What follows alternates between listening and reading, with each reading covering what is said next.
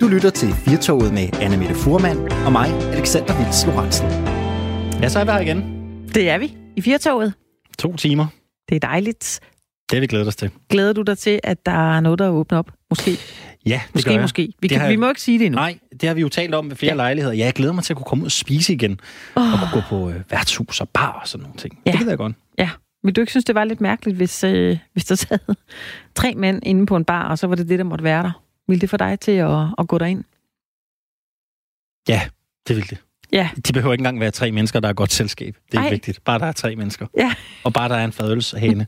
Det er fint. det er der Det behøver ikke engang sikkert. være en øl, jeg er særlig vild med. Bare der er et eller andet. Det er helt okay. Ja, biografen. Ja, Ja. Nej, det, ej, det gider jeg ikke. Jeg gider ikke gå i biografen. Det Mm. interesserer mig ikke. Nej. Jeg vil hellere på teateret. Det kan jeg godt lide. Ja, ja, ja, ja, kan du så finde majspiben og den høje hals frem. Hold Lige da op. præcis. Nej, er, er, er, er du teatergænger selv?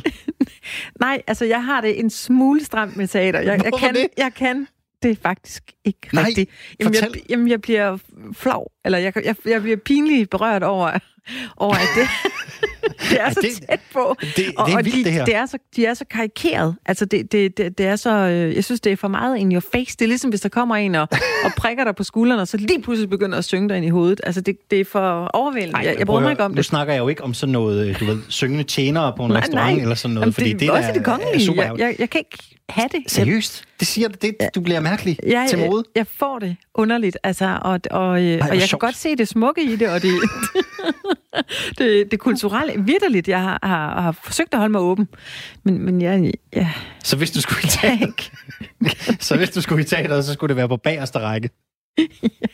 Der, hvor du ved, du er længst væk fra Jeg skuespillerne. vil helst sidde ude i foreningen og vente på de andre derinde, og så kan vi gå. Du sidder ved baren, bagefter, ude i ja. teaterbaren.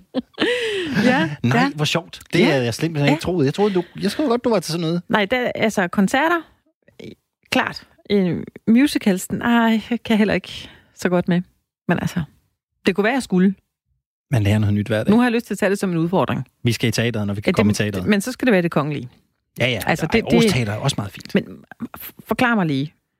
Kan du følge mig i det der med, når de begynder at, at, at, at råbe, eller, eller tale højt, og så går de helt ud til scenekanten, og de er klædt ud, og de har sminke på, og de er klædt ud som en, ja, den karakter, En de nu spiller. Ja. Kan du ikke også godt få det sådan, ah, kan du lige ro på? Det, det har Eller, jeg ikke altså, kan, tænkt. kan, du, kan du leve dig ind i, øh, altså, Jamen det, i jeg synes, der, jamen, det, jeg synes, der er smukt ved teateret, det er jo, at det kommer... Jeg kan faktisk godt lide, at det kommer helt tæt på. I modsætning til at sidde i biografen. Nå. Og det er også bare i teateret, der sidder folk sgu ikke og knaser med deres popcorn og er deres rigtigt. chips og Nej. den der er slupperlyd af den der store sodavand, der er lige bagved dig. Ja. ja. Og ved du, hvad jeg har fundet ud af, der er en uskik? Det gør folk heller ikke i teateret. I biografen kan man fandme nu få sæder, hvor man kan læne sig tilbage. Og folk, de er så frække, at de tager deres sko af derinde, så Ja. du får deres åndssvage lugt af sure tæer lige op i næseborene. Det vil man aldrig gøre på det kongelige teater. Nej, det ville også være virkelig mærkeligt at ligge Ja. der med en fadøl og en cola, og så ligger slubrer eller en knitre pose dronningemandler der. Men hvis man skulle spise slik i teateret, Så så, var det ville det være dronningemandler. Men det kan da godt være, at det er en måde at gøre teateret mere folkeligt på, hvis man siger, du kan få en teaterpakke, en stor bakke popcorn og en pose Matador-mix Ej, og en stor sodavand. vil jeg helt fjollet ikke at ligge der i sådan en bred sofa der og se Tror du ikke, andet tror du ikke, trold kan tæmmes er meget Nej. bedre med en stor cola i Jo, hånden? det kan godt være. Nej, hvor er Ja. det fantastisk. Ja, Vi må i teateret. ja. Den altså, er her med nu taget op. Ja, helt klart. Jeg øh, er åben over for det. Jeg, jeg vil ønske, at... Øh, altså, der er jo mange teatergængere, som har stor, stor glæde af det. Så øh, ja. vi kan prøve. Det, det, tror jeg, det tror jeg, vi skal. Ja. Anna Mette, inden, øh, inden vi dribler for meget ud i, øh, hvorvidt øh, teater er godt eller skidt, det bliver vi i hvert fald ikke en- enige om i dag, så kan vi jo øh, tage og vende os mod nogle af de ting, vi skal tale om i, øh, i vort lille hjørne her. Vores lille pose, vi stikker hånden ned i hver dag, finder nyhedsæblerne og placerer dem pænt på række. Mm. Lad os snakke om, hvad vi har fundet frem i dag. Vi skal blandt andet tale med en efterskoleelev, Anne Mette, fordi de sidder jo givetvis nu og venter i spænding. Det vi ved, det er, at der kommer til at ske en, øh, en fase 2, en fase 2 af genåbningen af Danmark. Ja. Og her øh, taler Mette Frederiksen jo om, at blandt andet de ældste elever, man skal finde en måde, hvorpå de ældste elever kan komme tilbage i skolen på, og spørgsmålet er jo så, gælder det mon efterskoleeleverne? Ja. Jeg håber det for alle de efterskoleelever, jeg har hørt om, fordi de har haft det rigtig, rigtig svært ved øh, ikke at kunne, øh, kunne have det der sammenhold, selvom de selvfølgelig også har mødtes online. Jeg sidder selv som forælder og krydser fingre og tær og ben for, Mm. at mit ældste barn kan komme tilbage i folkeskolen, fordi også der synes jeg, der begynder at være lidt øh, utålmodighed og spore nu for, Mhm. øh, for udskoling 7. og 9. klasserne. Ja. Altså, det er jo lang tid at gå derhjemme med Zoom-møder. Man ser ikke sine kammerater. Der er jo intet socialt liv i det. Nej, så er det der efterskoleår, eller efterskoleår, hvis man har mere end et. Det er jo noget, der, øh, der virkelig sætter, øh, Ja. sætter en øh, et nyt sted hen. Ja. Det rykker en fra et sted til et andet. Ja. Det er der i hvert fald mange, der siger. Vi taler med en, øh, med en efterskoleelev lidt senere i eftermiddag om, hvad der egentlig løber igennem hovedet for tanker her, Mm. Om- man må få lov til at komme tilbage og nyde den sidste periode Ja. sammen, med sine, sammen med sine kammerater. Vi skal også øh, lige tale lidt med nogen fra DSB, fordi på mandag, så bliver de endnu mere restriktive i DSB. De sætter antallet af passagerer ned, altså det antal, der må være på Mm. mm. togvogn, øh, og bliver, bliver mere strikse med, at man skal have øh, pladsbilletten. Det har man skuldet i, i, i noget tid nu.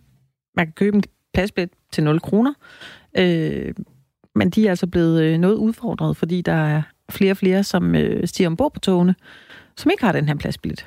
Mm. Så kan man jo godt give en bøde, men det nytter jo ikke noget. Der sidder stadigvæk for mange i, øh, i togvognene. Det er også noget, vi vender senere i Firtoget. Det gør vi, og øh, så skal vi også, Annemette, tale om små partier. Fordi det er ikke altid lige let at etablere et nyt parti og komme godt fra start. Det kan være ret svært. Det har vi jo set flere gange i øh, historien. Blandt andet med øh, Ny Alliance. Det er Nasser Carter, det er Anders Samuelsen, det er Gitte Seberg. Jeg ved ikke, om du har set Dagbog fra midten, Christoffer Guldbrandsens fantastiske dokumentarfilm om etableringen og de ruten for Ny Alliance. Desværre. Den har jeg til gode. Hvis du godt kan lide et godt drama med masser af underholdende Det elementer, så vil jeg helt klart anbefale dig at smutte ind på filmstriben, eller hvor man nu kan finde den slags, ja. og se, om du ikke kan, kan se øh, den. Men vi skal tale med en øh, kløgtig herre, der ved en masse om vælgeradfærd og demokrati og politiske partier. Og vi skal tale med ham om, hvad det egentlig er, der øh, gør, at et øh, parti kan komme godt fra start. Og det er jo ikke tilfældigt, øh, vi taler om det her. Det gør vi jo i dag, fordi det er 13 år siden, at Ny Alliance i dag blev etableret. Og vi har jo faktisk også et, øh, et nyt parti på vej coming op. Det er René Gade fra øh, Alternativet, som jo er gået ud af Alternativet, og han er altså på trapperne med sit eget parti. Så derfor sætter vi lidt fokus på nye politiske partier og bevægelser i dag, Anne Mette. Da du læste, var du en, der øh, fik SU? Ja, det var jeg. Plus SU-lån, fordi jeg kunne ikke klare mig. Nej. Kun for SU. Så jeg Nej. havde SU, SU-lån og job ved siden af. Hvad synes du egentlig måtte. om, øh, sådan, hvad synes du om SU'ens størrelse dengang? Var det, øh, var det passende? Det var da altid for lavt. Det var altid for lavt. det var da altid for lavt. Jeg ved godt, der er... Øh, altså, på det tidspunkt skal det siges, at jeg boede i København, der var, øh, der var priserne på, øh, på boliger jo højere end øh, i Vejle, mm. hvor jeg kommer fra. Mm. Så, øh, så jeg synes, jeg skulle give en, en, en god lunds af min øh, SU på, øh, på min lejlighed. Mm. Det var lidt surt. Hvad med dig? Ja, altså jeg... Har du jeg, makset den op Ja, også? det, Ja. det har jeg. Hold, der er fest, der er noget, der skal betales tilbage der, og, og, og jeg er en af dem, der har været rigtig, rigtig uheldig.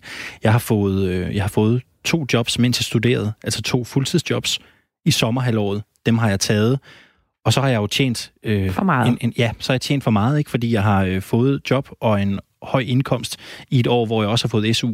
Øh, jeg glemmer aldrig dengang, de sendte mig et chivkort på 80.000 kroner, jeg skulle betale tilbage. Hvor jeg havde det sådan, ja ja, så kunne jeg jo have gået på arbejde et halvt år og betalt alle mine penge tilbage til SU-styrelsen. Ja. Nu er der ved at være styr på den sag, ikke? Mm. så kan vi til at kigge på alt det andet, der også skal betales Hvad tilbage. skete der så? Får man lov til at bide den over? Jeg betalte det i nogle, øh, jeg I betalte nogle det i, nogle, i nogle store retter. Ja. Det var sådan Jo, lidt, jo. jeg skulle have nogle penge tilbage i skat. Det fik jeg, og så kyldede jeg lortet tilbage. Ikke? Oh, det er så Det er ærgerligt, Ja. men, øh, men sådan er det jo. Mm. Sådan er det jo. Og, øh, og ved du hvad, det er jo dejligt, at vi har et land, hvor vi kan få SU. Det, er skal man det. jo trods alt ikke brokse over. Og så, ja, ved du hvad, jeg kunne også bare have lært at være en af dem, der havde lyst til at bo i et kollegie, eller øh, bo i en studiebolig. Det har jeg aldrig gjort. Jeg har altid haft min egen lejlighed. Jeg Ja. kunne bare have sat tæring efter næring, ikke? Jo. Jeg har lært det, det på den hårde måde. Sådan Det er vi nogen, der kæmper med. Lige Sådan er det. Akkurat. Grunden til, at vi taler om det her, Anne Mette, det er jo fordi, at øh, mange studerende de har haft det øh, ekstra hårdt under øh, coronakrisen. En del de arbejder i servicebranchen, der har været lukket ned i to måneder, nærmer vi os jo lige om lidt. Mm. Nogle de serverer måske på restauranter, nogle er bartendere. Mange af dem er freelancere, og nogle er på de her meget populære 0-timers kontrakter, altså kontrakter, hvor man ikke er garanteret et bestemt timeantal på en måned, og dermed så kan man jo sende folk hjem, uden de faktisk er omfattet af hjælpepakkerne. Som situationen den er lige nu i denne ekstraordinære situation, så må øh, studerende tage et højere SU-lån på grund af krisen. De kan låne op til 9.582 kroner mod normalt 3.200. Så det er jo mange gange mm. mere det, man ellers kan låne. Men i Danske Studerendes Fællesråd, der mener man, at situationen nu er så græld for studerende, at man faktisk bør forhøje SU'en. Altså forhøje SU'en. Ja, ikke med lånet. 50 procent. Simpelthen så studerende måske slipper for at skulle tage et lån. Så de foreslår, at man forhøjer SU'en med 50 procent resten af året. Og SU'en er i dag for en udboende 6.343 kroner per måned. Og derfor så spørger vi i dag, er det rimeligt, at vi forhøjer SU'en? Skal vi øh, give lidt ekstra af statskassen til de unge mennesker, som lige nu måske er ramt, fordi de ikke kan arbejde ude i restaurationsbranchen, i turisterhvervet, hvad ved jeg, og dermed ikke tjener lige så mange penge. Skal vi forhøje SU'en med 50 procent resten af året, eller kan de bare tage et SU-lån, eller skaffe pengene et andet sted fra? Det kunne vi godt tænke os at høre din mening om i dag. Og du kan ringe herind på 72 30 44 44, 72 30 44 44. Man kan også sende os en sms. Det kan man. Du skriver R4 og din besked, og den sender du til 1424. Hvad tænker du egentlig sådan selv i forhold til det her? Synes du, vi skal Jeg synes, være jo, lidt det mere er... rundhåndet med SU'en? Ja, det synes jeg faktisk. Der er jo rigtig, rigtig mange, som øh, har mistet deres fritidsjobs, og det, de kunne tjene ekstra. Og vi ved jo ikke, hvordan øh, genåbningen bliver lige nu i hvert fald, som vi sidder her klokken kvart over tre. Øh, så det er ikke sikkert, de har mulighed for at vende tilbage til det fritidsjob, de havde. Og så er man jo pludselig prisgivet, synes jeg, når man er et ungt menneske, som, mm. øh, som også skal overleve, og som ikke bliver forsørget af sine forældre, eller har mulighed for at, øh, at tage et job. Det er virkelig et tvækket svær, ikke? Det synes jeg i hvert fald, fordi på den ene side, der er jo rigtig, rigtig mange, der bliver hårdt ramt af den her, af den her krise. Der er jo mange, der har mistet deres arbejde. Ja. På den anden side kan man sige, som studerende er det også bare svært at gå ned i banken og låne penge, ikke? hvis du har brug for det.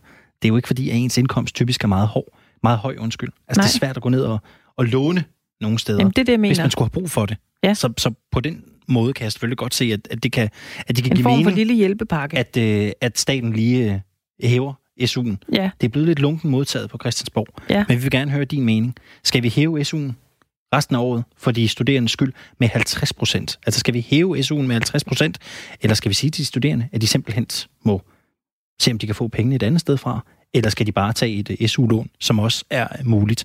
Byd ind 72 30 44 44, 72 30 44 44. Du landede på Firtoget. Det er to timers dagsaktuel eftermiddagsradio her fra Banegårdspladsen i Aarhus til hele Danmark. I studiet Anna Mette Furman og Alexander Vils Lorentzen.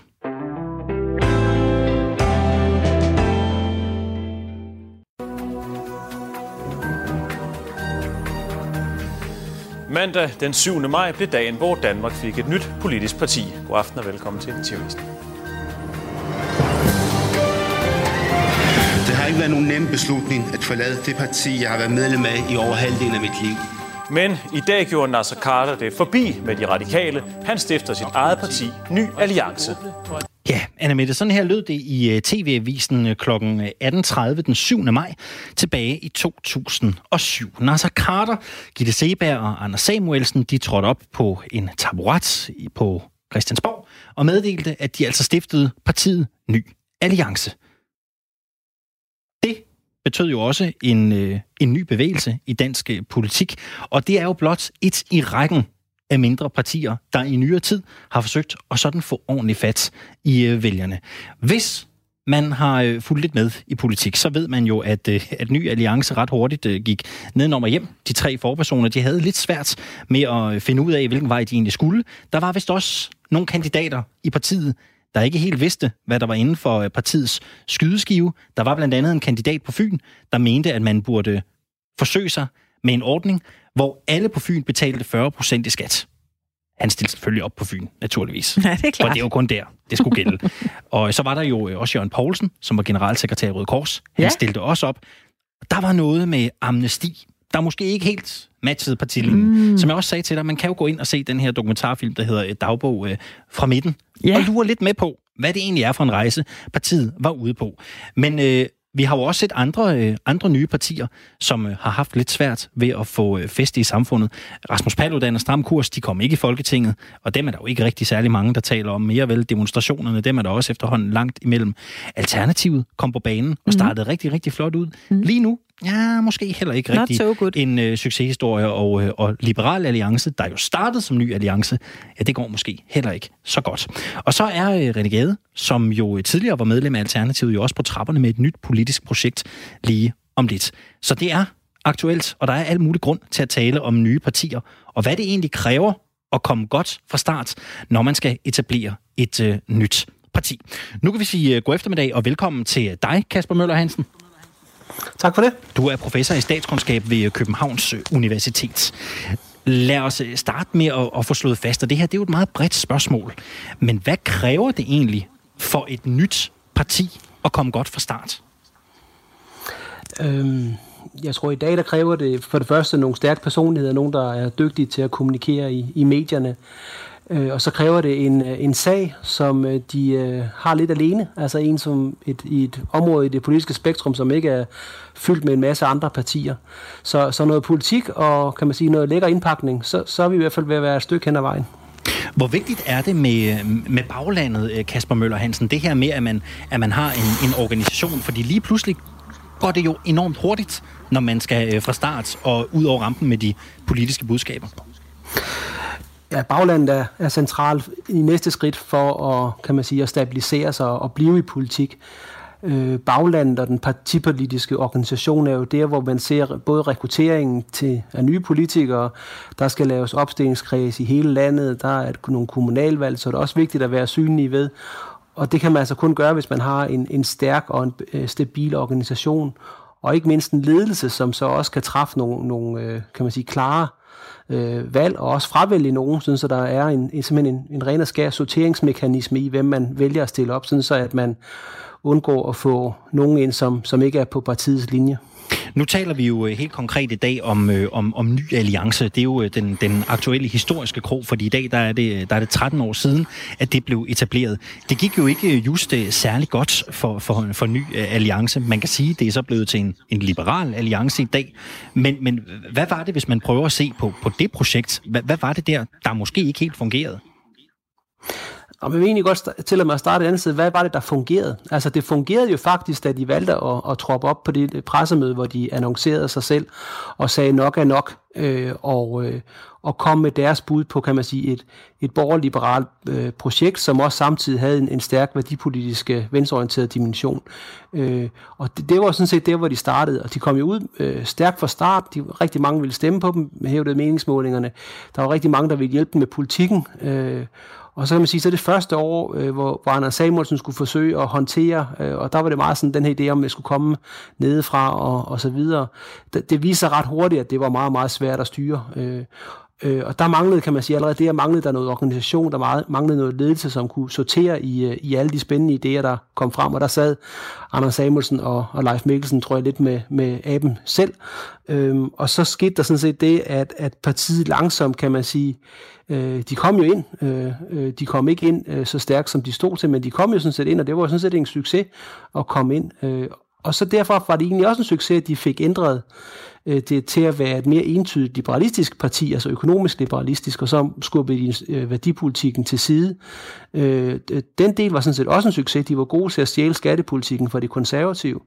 Øh, og så, øh, og, og det var nok der, hvor de toppede. Lige der, kan man sige, hvor, hvor Lars Lykke begyndte at spille dem ud mod hinanden, regeringspartnerne øh, der, i forhold til, at, om Liberale Alliance kunne sådan set have, have bedt om at få et folketingsvalg øh, på det tidspunkt. Øh, og der valgte, endte de så jo med at vælge, og, og det første år gik de så med i finansloven, og året efter kom de så med i regeringen.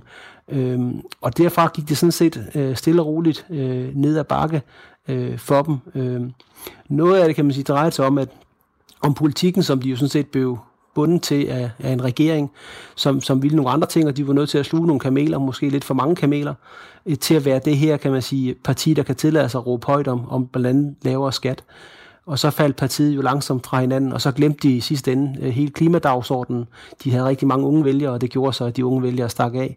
Øh, og så endte de jo med et meget, meget dårligt øh, resultat, og endte jo med, at Anders Samuelsen slet ikke selv blev valgt ind, og flere af de andre meget stærke øh, liberale alliance-kandidater endte jo heller ikke med at komme, øh, komme i Folketinget her i sidste år.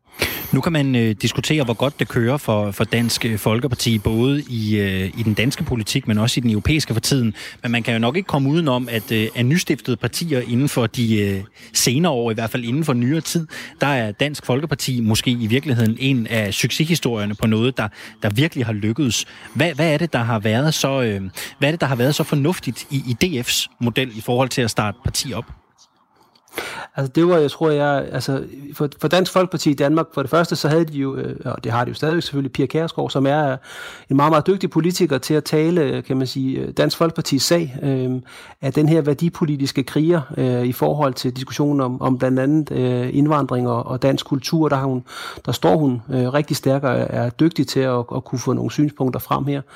Øh, så spillede de jo lang tid, kan man sige, det der øh, oppositions øh, spil, øh, men hvor de samtidig støttede regeringen op gennem nullerne, der var de jo smadret dygtige i Dansk Folkeparti til at sige, vi vil gerne have en ældresjek, vi vil gerne have stramninger i udlænding, og så gik de så med til, kan man sige, de store finanspolitiske øh, øh, ændringer øh, løbende, men de var meget, meget dygtige til at få nogle meget vigtige øh, sager igennem for dem selv øh, og for deres vælgere, og det gjorde så, at de, kan man sige, steg og steg og steg i meningsmålinger op gennem øh, nullerne og, øh, og fik så det her meget, meget flotte valg øh, øh i, i 11, og så gik det jo så ned ad bakke øh, derfra, hvor, øh, hvor de så med, ved det seneste valg her i, i, øh, i 19 fik et, et, et mildsalt meget, meget dårligt valg, øh, hvor der var nogle andre ting på spil, et, en, en, et socialdemokrati, der udfordrer dem på værdipolitikken fra den ene side, og en ny borgerlig og stram kurs, der udfordrer dem fra den anden side, samtidig med, at de blev beskyldt for at være elitære og en del af, kan man sige, det establishment, som øh, var noget af det, de havde kæmpet imod op gennem øh, nullerne og hele deres eksistensgrundlag. Så det har været, kan man sige, en, en, både en, en, en rigtig positiv historie med, med den her meget stærke organisation, som smed, ja, ja mildt sagt, så smed de jo en masse øh, øh, folk ud øh, af partiet op gennem nullerne og, og langs og sorterede meget, meget stramt på, hvem der skulle have lov til at stille op.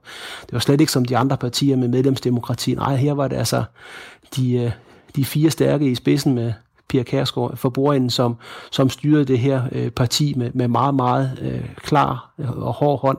Øh, og, og det er, tror jeg også er en meget, meget vigtig del af et nystartet parti, det er, at man kan, man kan bevæge sig så hurtigt, altså ændre politik, hoppe med på et forlig, hvis det er det, springe ud af et forlig, hvis det ikke er. Og, og der kan man sige, der kommer medlemsdemokratiet mildt sagt til, til kort ret hurtigt. Du øh, vender jo tilbage til det her med, at øh, forankringen og et stærkt bagland og en, og en standhaftig organisation er vigtigt for et nyt parti i forhold til at komme godt fra start. Hvis vi prøver at kigge på Alternativet, øh, som jo også er en af de nye spillere på den politiske scene, så var det jo et parti, der nærmest fløj ind i Folketinget uden det store politiske indhold. Det ville man jo udvikle i politiske laboratorier, og dermed var strategien lidt, at man jo ville reparere flyvemaskinen, mens den var i luften. Alligevel kom de jo faktisk rigtig godt fra start. At der der tale om en undtagelse, der bekræfter reglen? Nej, det synes jeg faktisk ikke. Altså, øh, altså øh, Ny Alliance kom jo også godt fra start og kom ind i Folketinget, øh, øh, og det Nye Borgerlige kom godt fra start. Og, og, altså, så, så, det er ikke fordi organisationen skal, skal så at sige være på plads ved, ved første valg, men det skal den ret hurtigt efterfølgende være ved de kommende valg, for at skabe den der løbende fornyelse, samtidig med, at du har den der meget stærke organisatoriske stabilitet, som kan, kan skabe noget, noget, noget, noget klar kurs, og ikke sådan en parti, der, der flager fra den ene øh, sag til den anden. Så hvis vi bliver ved alternativet, at de kom jo ind, kan man sige, og kæmpede med en, med en organisation, havde nogle idéer om, og medlemsindflydelse fra bunden af, og, og, og, og kan man sige meget sådan direkte demokrati. Alt sammen kan man sige noget, som er rigtig nemt øh, at snakke om, men rigtig svært i praksis. Det er svært svært i praksis, når, når et parti bliver udfordret vælgermæssigt. Når det går fremad, så kan man godt have medlemindflydelse, fordi så kan man sige, så bliver der hele tiden plads til flere og flere.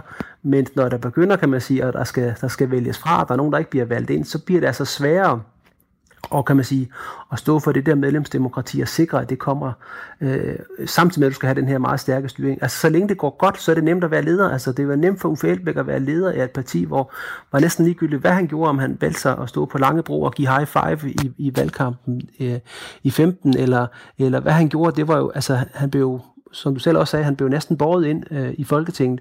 Øh, øh, og der, hvor det så, kan man sige, begyndte at gå galt, det var jo for det første, så skal man sige, så, så mistede, tror jeg, øh, man, Uffe Elbæk og, og ledelsen simpelthen styring af partiet.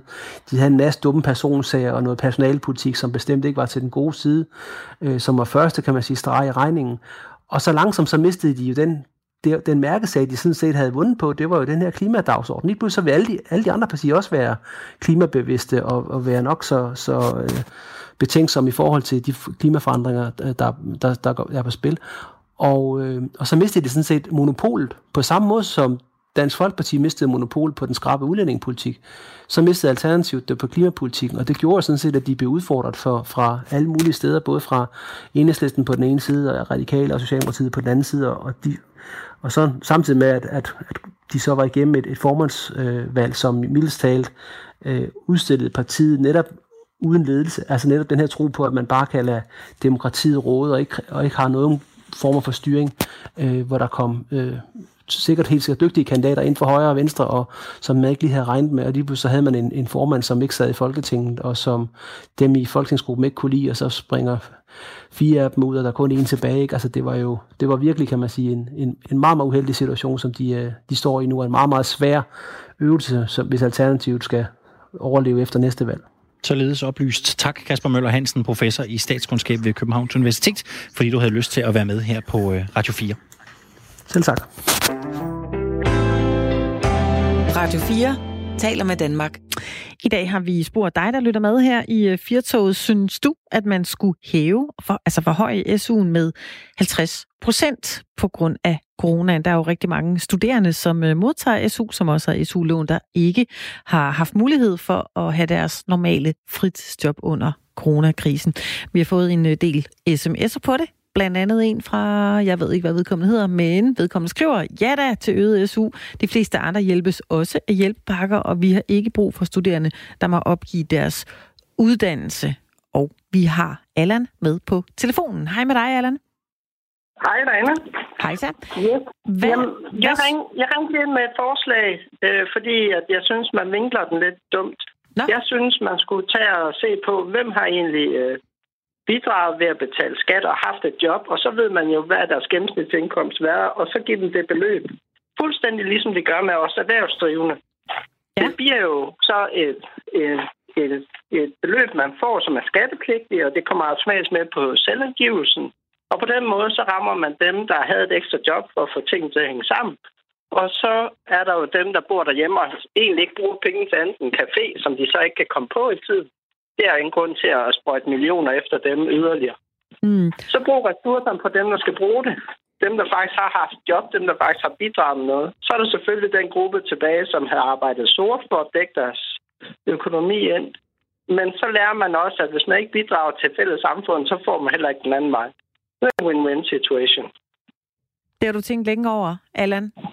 Nej, jeg synes, det er helt vildt simpelt, fordi man vidste jo, at det skulle være som for alle os andre erhvervsdrivende. Ja så kan jeg ikke se, hvorfor det lige pludselig var så svært at lave nøjagtigt den samme model for studerende. Studerende er i og for sig lige så vigtig milepæl i vores velfærdssamfund, for at den øh, fortsat kan være stærk. Altså, uden studerende, så har vi ikke velfærdssamfund om 50 år. Allan, synes altså, du, vi har glemt... Vi Allan, synes du, vi har glemt, synes du, vi har glemt de studerende lidt i den her coronakrise og, og deres øh, indkomster og muligheder?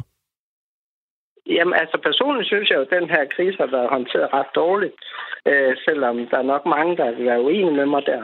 Men jeg mener, at man glemmer helt at se samfundet som en helhed. Det er nærmest som interesse, en masse interesseorganisationer, der sidder og slås nu.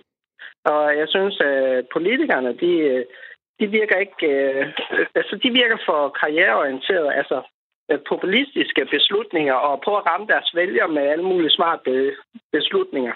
I stedet for at tænke, øh, tænke lidt ud over sin egen interesser i noget så omfattende som sådan en coronakrise her. Det her det er jo meget større end, end næste valg, og det synes jeg, de glemmer derinde.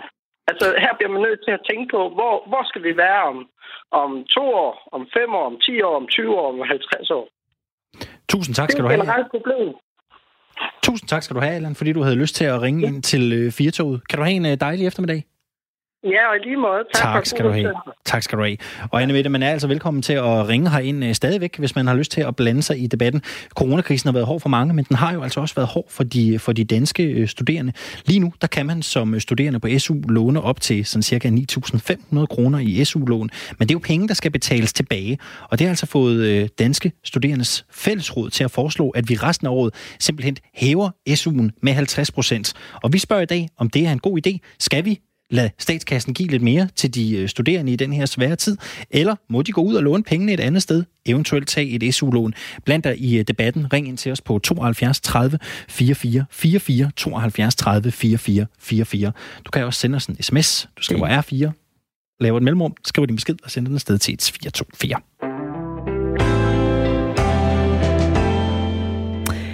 I disse timer og dage følger rigtig mange danskere spændt med i, hvilke dele af samfundet, Mette Frederiksen åbner.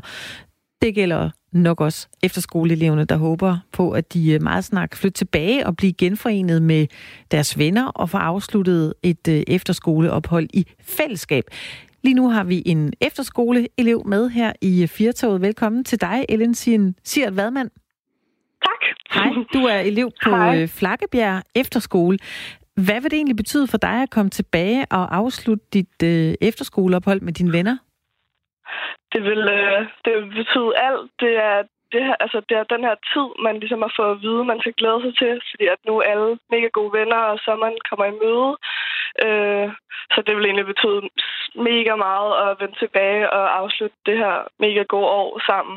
Ja. Fælles alle sammen. Hvordan har den her tid været indtil videre, hvor du ikke har kunne være på efterskolen? Det har været mega hårdt. Øh, det her med, at man ligesom har gået glip af rigtig mange ting, som man ligesom har kunnet forberede til. Øh, jeg har for eksempel gået glip af en tur til Tyrkiet, og også bare sådan nogle små arrangementer i weekenderne, som man har set frem til, som ligesom bare er blevet taget væk fra en, som er mega ærgerligt. Hvad har du savnet allermest? Helt klart det der med at være sammen med og bo sammen med sine allerbedste venner hele tiden, og være sammen med alle mulige mega søde mennesker 24-7. Ja. Hvordan har I gjort det på, øh, på din efterskole på Flakkebjerg? Øh, har I modtaget Zoom-undervisning, eller har I haft øh, fredags kom sammen, eller har I, hvordan har I kommet omkring det her, hvor I var nødt til at mødes online? Altså, vores lærer har egentlig været mega gode. De har lagt et schema, og så øh, har, man, har vi egentlig bare haft normale timer over Meet. Øhm, og så har de så også puttet sådan nogle sociale arrangementer ind i løbet af dagen, så man ligesom bliver mindet om det her med at være på efterskole, og vi stadig går på efterskole. Øh, og sådan nogle, ja, vi har bålplads på Efterskole, så sådan, der er nogle bålaftener om aftenen, og sådan, hvor man kan tjekke ind på Meet, hvor der så er nogle lærere, der sidder. Så det, her meget, det er meget det her med, at man hele tiden bliver mindet om, at vi stadig er sammen om alt det her, og stadig faktisk går på efterskole, selvom det ikke lige føles sådan for tiden. Ja. Hvor meget kontakt har du haft med, med de andre efterskoleelever på, øh, på din skole? Det, øh, det har jo været lidt en udfordring at have kontakt. Øh, det har jo været sådan noget, man lige facetimer nogle timer i løbet af dagen, eller man lige møder dem, der bor tæt på en og går en tur og lige får snakket alle tingene igennem. Øhm, men man kan jo ikke kunne være indenfor på den måde og være sammen og sådan det her med to meters afstand og det hele. Så det har været en udfordring at man går fra at være sammen 165 mennesker i vores tilfælde, og så lige pludselig kommer hjem og er alene og skal gøre alt selv, og ikke er sammen med folk, som man plejer. Ja, det er klart. Hvis nu, at øh, du får lov til at vende tilbage til din øh, efterskole på mandag, vil du så være øh, bekymret? Altså, altså både og, fordi at selvfølgelig man skal jo tage det mega seriøst, det her med corona og det hele. Men, øh, men jeg føler også bare, at hvis der bliver åbnet op, så må man bare ligge sin... Altså, så har, må man jo bare satse på, at politikerne og sundhedsvæsenet og det hele har styr på det, og så må man tro på det. Ja. Ellen øh, siger, øh, hvad man kan du ikke prøve at beskrive for os, hvad, hvad, altså hvad, har det, hvad har det betydet for dig at være på efterskolen, sådan på et helt personligt plan? Altså, løbet af hele året? Ja. Altså, jeg vil sige, at man har udviklet sig rigtig meget. Jeg har snakket med rigtig mange om det her med, at man havde nogle fordomme for personer, når man startede. Øh, og det, man blev egentlig meget hurtigt til at få fjernet de her fordomme og egentlig bare være 100% sig selv. Men også være fagligt. Altså, man, jeg føler, at jeg har i hvert fald haft en helt lang, helt anden skolegang, end jeg har haft før. Øh, så det er meget der med personlige planer, man måske bliver lidt mere moden og tør, tør, tør hoppe ud i nogle ting, som man ikke har gjort normalt, lave nogle projekter og sådan noget. Mm. Øhm, så det er meget der med, at man har udviklet sig rigtig meget, synes jeg, både sådan socialt og personligt, ja. Ellen, øh, har du og øh, dine med efterskoleelever og også øh, lærerne på skolen, altså har I, har I talt om et alternativ, hvis nu I ikke får lov til at, øh, at komme tilbage og gøre, og gøre det her skoleår færdigt?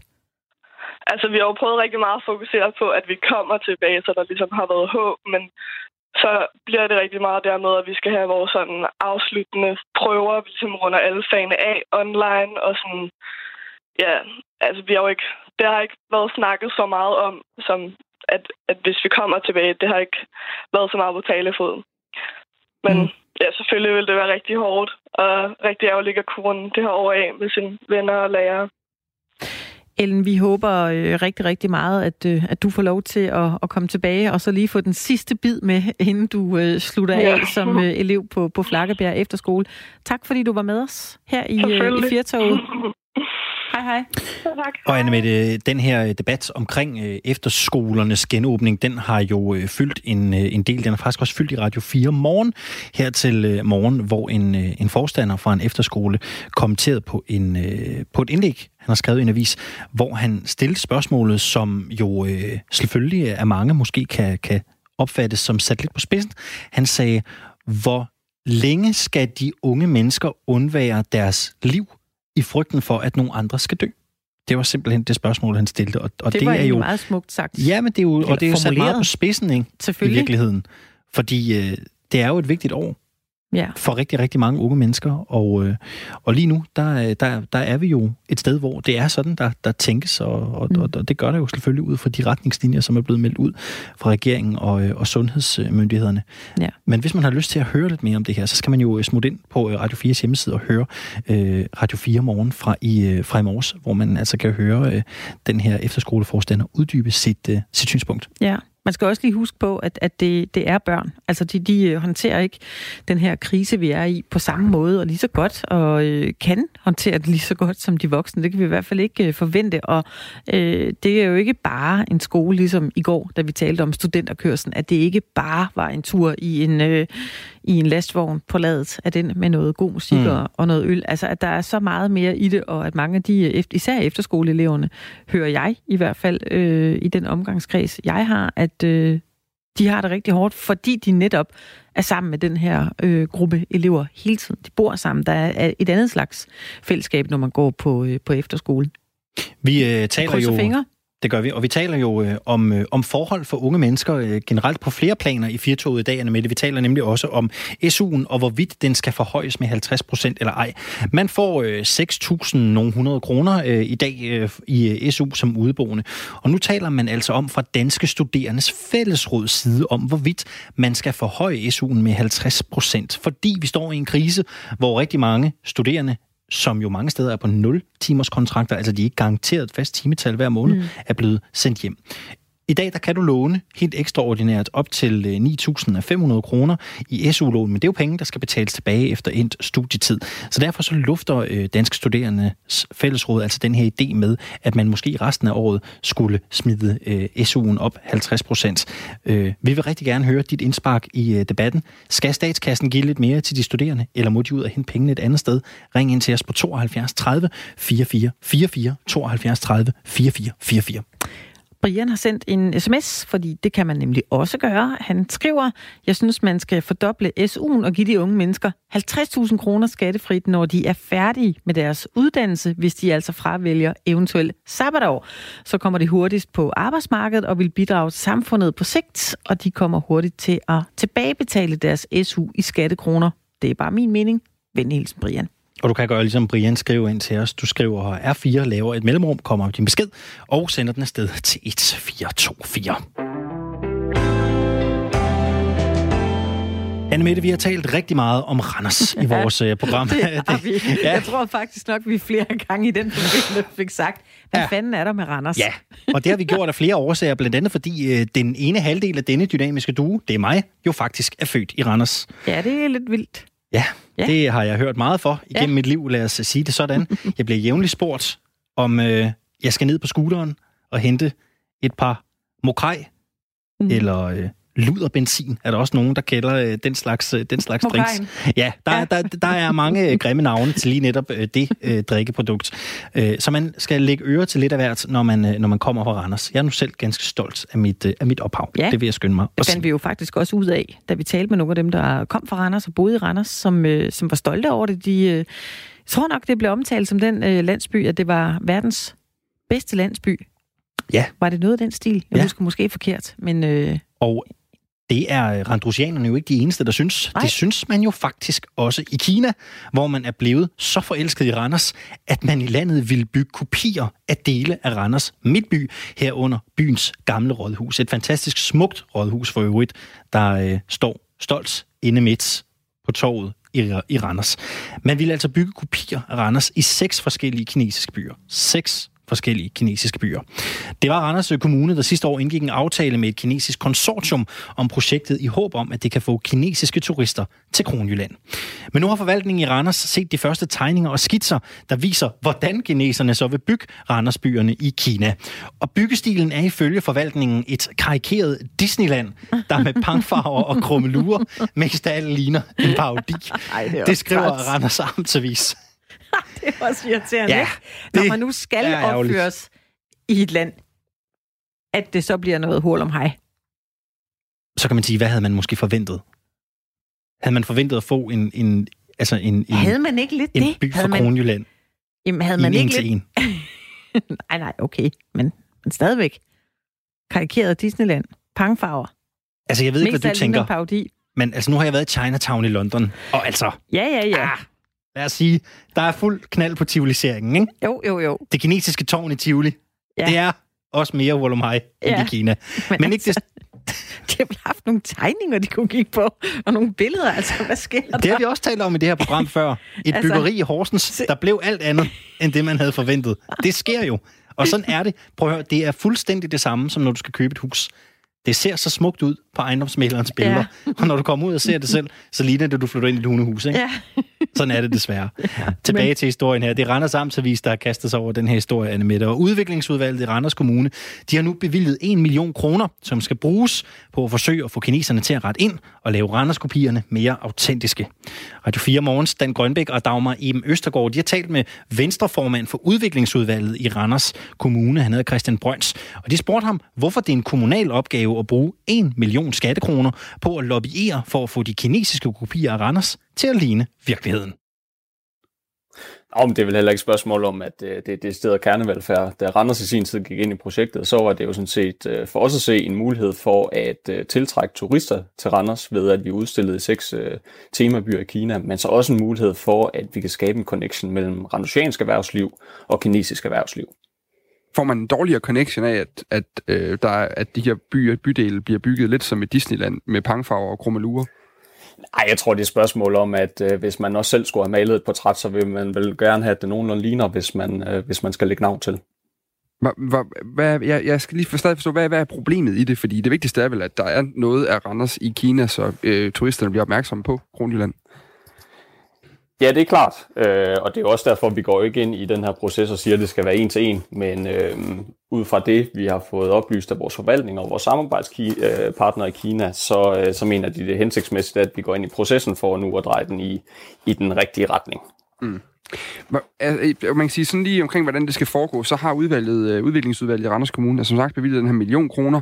Den skal bruges på at købe arkitekttegninger, der kan foræres til det kinesiske konsortium, hyre en øh, konsulent, der skal holde opsyn med projektet, samt sikre, at øh, repræsentanter fra kommunen et par gange om året kan rejse til Kina og være til, til stede i processen.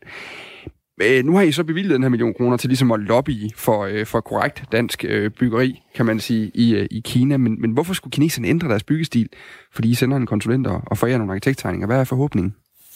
Jamen forhåbningen er jo, at vi, at vi er endnu tættere involveret i processen, hvor at man kan sige, for nuværende har det jo været på afstand, ved at vi kommer tættere i processen og, øh, og kommer med på, på byggemøder, at der så er en større chance for, at vi kan være med til at påvirke processen i den retning, som vi ønsker. Mm. Og, og hvordan, altså, er det simpelthen, hvordan er samarbejdet med kineserne? Altså, er de lydhøre over for det her? Jamen, øh, indtil videre er det jo foregået igennem en, øh, igennem en mellemmand i Kina, og vi tror egentlig på, at, øh, at vi kom tættere på ved, at vi nu tager det her skridt. Øh, og indtil videre så har det egentlig været min opfattelse, at, øh, at øh, den dialog, der har været med Kina, egentlig har, har fungeret øh, ganske udmærket, men ved at vi ved de her træk egentlig kan komme endnu tættere på at øh, påvirke processen. Mm. Hvordan de her tegninger, altså øh, som kineserne ligesom, de her skitser, de har lagt frem, altså hvor lidt ligner de, siden man er nødt til at bruge kommunale penge på det her? Jamen altså, øh, man kan sige, at nogle af, nogle af udgifterne havde vi haft uanset øh, om, om, om de her tegninger havde været øh, været, været et stykke væk fra virkeligheden. Altså, vi har jo forvejen øh, forpligtet os i den kontrakt, vi har lavet med Kina i forhold til at, at, at levere tegninger øh, af det gamle rådhus eksempelvis. Så nogle af de her udgifter, dem havde vi altså haft uanset. Øh, men det er klart, at eksempelvis det gamle rådhus, der har vi jo en interesse i, at når det bliver et, et midtpunkt i den nye temaby, så har vi en interesse i, at det ligner. Hvor lidt ligner det nu, Christian? Fordi du kender jo godt Rådhuset. Du er valgt ind i Randers Byråd for Venstre og formand for udviklingsudvalget. Altså, er, det, er, den, er de helt væk fra skiven? Jamen, øh, det kommer an på, hvad din vurdering er helt væk fra skiven er. Det, det, det har jeg svært ved at, ved at kunne sige. Nej, men det er, det er fornuftigt, at vi går ind i processen for, at det kommer til at, øh, til at ligne mere. Altså, det er jo også lidt svært at tegne billeder over radioen, kan man sige. Ja, men vi kan prøve. Det er i hvert fald det, jeg, jeg har taget en uddannelse i. Så det er jo noget med, at man, øh, man har... Altså, Randers Rådhus er, så vidt jeg husker, så er det sådan en stor, flot, gammel, hvid bygning med et sort tag, og så med, øh, jamen, jeg ved ikke hvad, sådan en lille tårn op på top med et spir på en eller anden måde i midten. Ja, det er en fin beskrivelse. Er det ikke okay? Hvordan, det er en fin beskrivelse. Hvor langt væk fra er kineserne? Jamen altså, det man, det man kan sige, det er, at øh, den, den har fået lidt ekstra gas i, i forhold til, øh, til de ting, der er blevet lagt frem. Altså blandt andet i forhold til, at øh, man, har, man har ligesom indsat nogle, nogle øh, ekstra effekter øh, i forhold til nogle af de bygninger, man gerne vil opføre. Hvad er det, for og det, er jo det, vi, øh, det er jo det, vi gerne vil, øh, vil ind og påvirke her i processen. Hvad, hvad er det for nogle ekstra effekter? Hvad, hvad Jamen, det, det er jo sådan, noget, du øh, særligt har lagt mærke til? Jamen, der er jo noget i forhold til farver blandt andet, og så er der noget i forhold til, øh, til diverse kromolomer, man har sat, øh, sat på. Okay. Øhm, Men er Randers Rådhus, altså er det, er det lyserødt i Kina, eller? Nej, altså Randers Rådhus, det skal, det skal komme til at stå, som, øh, som, som det gør i Randers, øh, uanset. Så lige præcis den del er der ikke noget i, men der, er noget, der kan være noget i forhold til andre bygninger. Okay. Øhm, altså det er jo i det hele taget sådan en, som jeg sagde i starten, det er sådan en historie, som er, øh, jeg vil ikke kalde mærkelig, men den er i hvert fald mærkværdig. Altså det er lidt forunderlig, hvordan... Det er anderledes i hvert fald. Ja, det kan man godt sige. Hvordan Kina lige præcis fik øh, øje på, ikke at der er noget galt med Randers, men hvordan det lige præcis var Randers, der skulle stå flere steder i Kina. Øhm, hvad, hvad er det egentlig, Øh, nu skal I jo så bruge penge på at ligesom, øh, sørge for, at det også kommer til at ligne Randers, som det skal. Hvad, hvad er det egentlig, skatteborgerne i Randers får ud af hele den her sag, udover øh, at der bliver brugt penge på det? Jamen, øh, helt konkret, altså, så kan man sige, at Kina var i 2019, det var sådan set den største voksende turistgruppe i, i Danmark, jævnfører Horesta. Og der er jo ingen tvivl om, at med en voksende kinesisk middelklasse, som også har en interesse i at rejse, så, øh, så håber vi jo sådan set, at vi kan få vores andel i, at øh, de turister også kommer til Randers. Derudover så får vi jo en mulighed i, i det gamle rådhus, der opføres i Kina, at vi kan, øh, at vi kan fremstille randosianske virksomheder i et godt lys, og, og på den måde være med til at etablere kontakt mellem randosianske virksomheder og det kinesiske marked. Øh, og det skulle jo gerne være outcome øh, mm. i, i en længere projektfase, at der dels kommer flere turister til Randers, men også at vores randosianske virksomheder kan komme ind på, på et kinesisk marked. Så, så der er ligesom de, de to dimensioner i det. Altså, hvornår regner I med, at sådan et projekt her, det kan tjene sig selv hjem igen? Ja, nu skal vi jo lige se i forhold til, øh, hvor hurtigt det går med opførelsen i forhold til corona, og så er der nok også noget med nogle rejserestriktioner, der lige skal løsnes lidt op på. Øh, så på den måde, så er det jo nok en proces, der varer nogle år i forhold til, at, øh, at de her seks temabyer, de står færdigt. Der kommer kopier af Randers Midtby i følgende byer, og nu skal jeg prøve efter bedste evne. Vi kan tage en hver. Jiangsu, Xingtai, Anqing, Hengyang, Huainan og Chawang. Ej, det er flot liste. Jeg, det ikke. jeg, Susan, det. Jeg, jeg, får lyst til at sige, jeg får lyst til, at du skal sige det en gang til. Det lød simpelthen så godt. Jiangsu, ja. Xingtai, mm. Anqing, Hengyang, Huainan og Chawang. Sådan. Ja, ja. Tror du, der bliver en kopi af en mokai i Kina? Hvad? Det kunne en godt kæmpe ske. stor mokai, de bygger med hul om hej og farver og... Krummelurer. og krummelurer ja. på. Kunne det ikke være smukt? Jamen, øh, jeg ved ikke, om du er øh, bekendt med mokai-flaskens design. Øh, den er jo i forvejen øh, lidt farverig. Der er kulør på drengen. Ja, ja, men det, det vil man få endnu mere krummelurer på, og noget drager måske. Omkring jeg tror, flaskehalsen. at vi skal passe rigtig, rigtig meget på med det her, Annemette. Ja. Fordi ellers så havner vi et sted, hvor folk glemmer den lille havfrue, og så tager øh, asiaterne, kineserne til Danmark for at se den store mokai-flaske, ja. der står på torvet i Randers. Så måske, vi, måske bliver Randers øh, en fjende? Ej, det håber vi ikke. De er så flinke i Randers. Men øh, du har en pointe. Vi skal passe på, ikke? Ja. Vi skal værne om de kulturskatte, vi har. Ja. Og øh, mokaien, den, den tror os altså. Ja. Den tror os. Den store model af Nike Shocks, der kan blive opført, det er så ikke danske, vel? Det ved jeg egentlig heller ikke, om mokai er. Ingen anelse. Den gang, at vi gik ind i uge 1 her i coronakrisen i lockdown, så besluttede vi, at vi skulle spille øh, et stykke musik i hver time her i Firtog, lige for at ryste posen lidt, lige for at få øh, tankerne et andet sted hen, hvis man skulle have brug for det, og det har vi holdt fast. I dag skal vi have et nummer med Northern Simply, det er det, der hedder Closer Together, og det kan man da bare håbe på, at vi må komme meget snart. Tell me now how to mend, show me how, dearest friend. I need you. I need you. Hope revive my crushed soul. Start again. Fill